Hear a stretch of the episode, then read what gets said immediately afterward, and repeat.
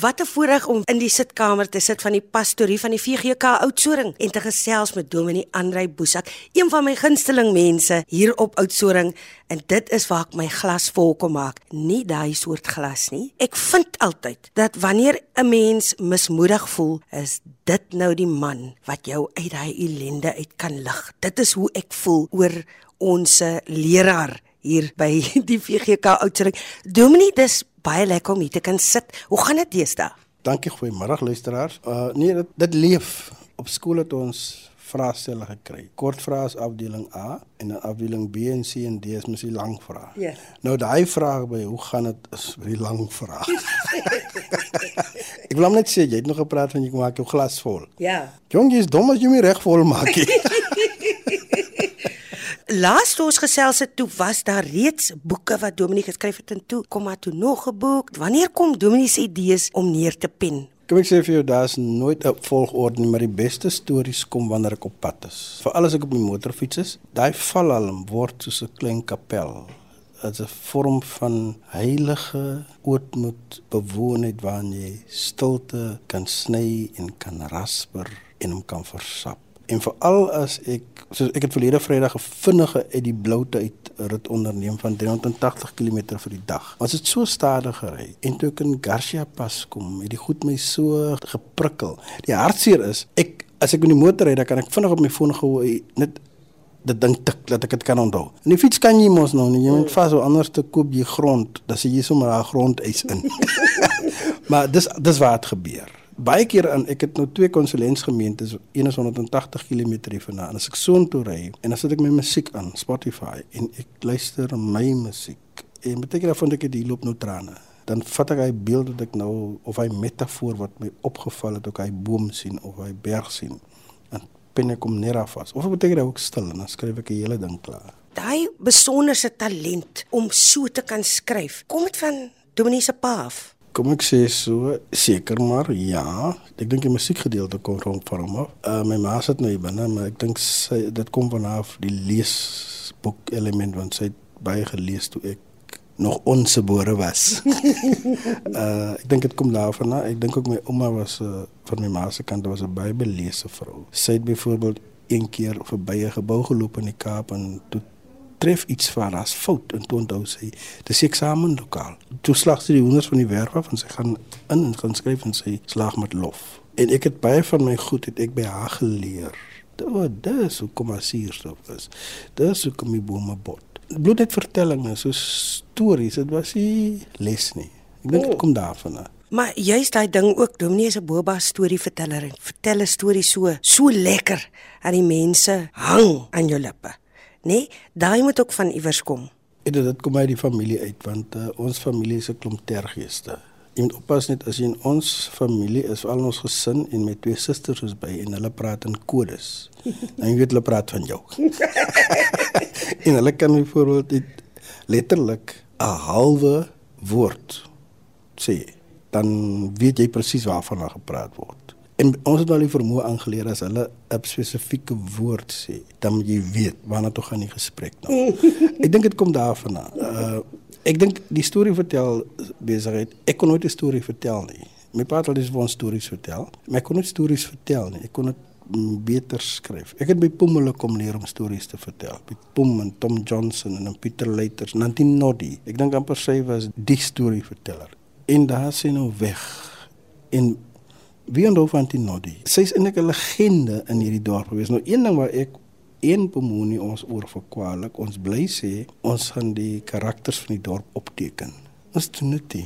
En die mense word dit begrawe en ons begrawe elke keer 'n stuk van ons kultuur en ons geskiedenis begrawe ons net. En as ek aftree oor 2 jaar, gaan ek dit my werk maak om rond te ry. Ek ek kan nie ek wil ry tot by die plekke. Een my een projek nou is Kanaal toe gaan. Daai mense se stories opskrywe. Oudtshoornse mense stories opskrywe en dan is daar nou al klaar drie manuskripte wat reg is om dit self publiseer. Moet ek mos nou self befonds. En nou wag tot ek my gratifikasie kry. Dominee, ons het nou gepraat van lesse, maar ek kom agter dat Dominee se manier van preek is nie soos 'n tipiese preek nie. Ek sê jou nou wat om te doen en hoe om dit te doen. Hoe het Dominee geleer om in mense se koppe te kan klim maar op 'n ander manier sonder dat dit soos 'n preek klink. As Dominee weet wat ek bedoel. Hoor jou. Kom ek sê vir so, ek is nou wraggies waar nie 'n pakkie etkodol nie. Want party party predikante preek so dat jy 'n rustige kerkslaapie inkry. Daai ding wat predikante maar so preek met 'n uh, treurige vermaanende stem. Ek haat dit met 'n passie. Jesus was 'n storieverteller by uitstek. Al sy gelykenisse was stories en hy kom net uit stories vertel en mense kon daarmee relate. Ek voel net vertel vir mense 'n storie en bring evangelie by die storie in. Dit moet nie veel moeilik wees om te verstaan wat vir jou gesê word nie. En ek het as 'n moeilikheid beland omdat ek altyd 'n uh, 'n grappie of twee bygooi dan. Mens, al die stoere mense hou nie daarvan nie. Vertel vir iemand 'n storie.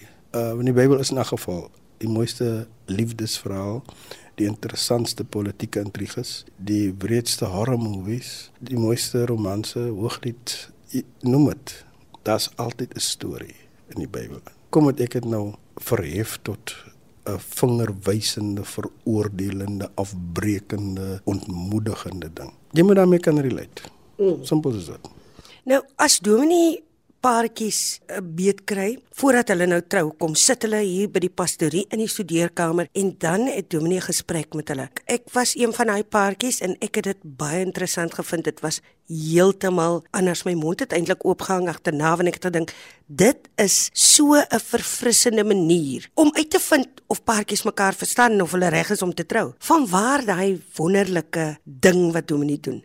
Uh, is dit 'n geheim of kan ons verklap? Kom ek sê so is nie 'n geheim nie, is dit 'n kwessie van met die verloop van jare doen jy mos bepaalde ervarings op en dit kom in jou eie pastoraat uit. En ek het net vier simpel vrae wat ek vir die paartjie vra en hulle lag mos nou oor die nonsens wat ek vir hulle vra en dan slaan ek hulle in 'n van dag met die realiteit van wat hulle eintlik geantwoord het. En dit is eintlik belaglike vrae. Dit vier vrae. En eintlik uh bes, ek glo nie aan moenie dit nie, moenie dat nie, moenie so nie. Jy vind in die huwelik uit ek moes nie nou so gemaak het die naam Jaskies vra. Ja. en gee vir die, die kwartjie daai vier ek noem tools. Hulle kan dit vir die res van die huwelik kan dit toepas. And it works. Ek hoop dit werk. Ek het dan nog al baie comebacks gehad.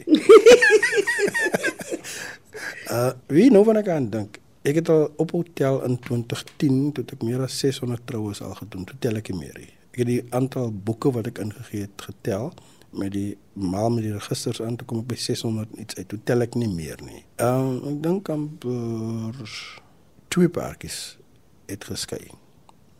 Net twee. Ja maar die ander nadeel van daai boeke hoor is, toe tel ek ook die laatbreide. Ek is nou by 61 wat betyds was. En ek laat dit ook publieklik sê jy was betyds en ek het eergister geskinder van jou want ek het iemand vertel van jou troukar dat dit daar begin het. Dis sê ek toe ek haar by keer kom toe skree hy die ha van die ander kant af. Ek was voor jou hier. Onthou jy dit? nou jy was een van die betyds bruide. Ek moet net vir die luisteraar sê ek was dood voor die oë gesweer as ek laat is vir my eie troue en toe suk voor hom daar. Dit was minder as 'n minuut. Want ons het eintlik saam stil gehou, maar jy was eers uit die kar uit. Ons gaan nou in 'n nuwe jaar in. 2024. Daar's soveel mense met soveel hartseer in hulle lewens. Dan is daar mense wat soveel geluk ervaar in hulle lewens. Maar wat sou Dominee se woorde van hoop wees vir 2024 en hoe ons dit aanpak? As een slagspreuk van 'n groot maatskappy wat my al die jare bybly en veral in load shedding het my betekenis gekry. In die grootste donker kan jy die sterre beter sien. As 'n situasie sleg is, al voor die voordeel daarvan is, dit kan nie slegter nie. Hy moet net beter raak. Uh, ek dink ons leef in 'n wanhoopige, moedelose, ontnugterde wêreld. En hierdie beeld van geluk wat vir ons voorgehou word, is nie noodwendig die waarheid nie. Wees dit jouself en wees jouself met iemand anders en ontdek iemand anders. En uit van ons almal is lotsgebondenes. En kom ons fokus op die goed wat saak maak. Vriendskap, uh eerlikheid. En ek wil dit ook sê, ons probeer te veel doen wat reg is, maar ons doen nie wat ons gelukkig maak nie. Probeer net in 2024 iets doen wat jou gelukkig maak. Moenie doen wat reg is nie, want wie bepaal wat is reg? 'n 'n gemeenskap wat se mensgemaakte doen jy wat vir jou gelukkig maak. En as ons op daai ding gaan fokus, ons doen wat ons gelukkig maak. En ek glo Suid-Afrikaners is 'n baie Engels het my so mooi woord, resilient gemeenskap. Ek sê die waarde die drif kan trek. Ek het een ding in die struggle geleer. Terwyl dit nou so 'n wrede, ongemaklike, hartseer, bitter situasie was. Veral die die, tokkies van destyds. En al hy goed het ons meeste gek geskeer. Toe jy dit lekker verby gekry. Net King Cole het gesing Smile while your heart is aching. Jou voorsbedank nie af van wat ander mense vir jou af aan jou doen nie. Dis hoe jy jouself sien. Is still worthwhile. If you just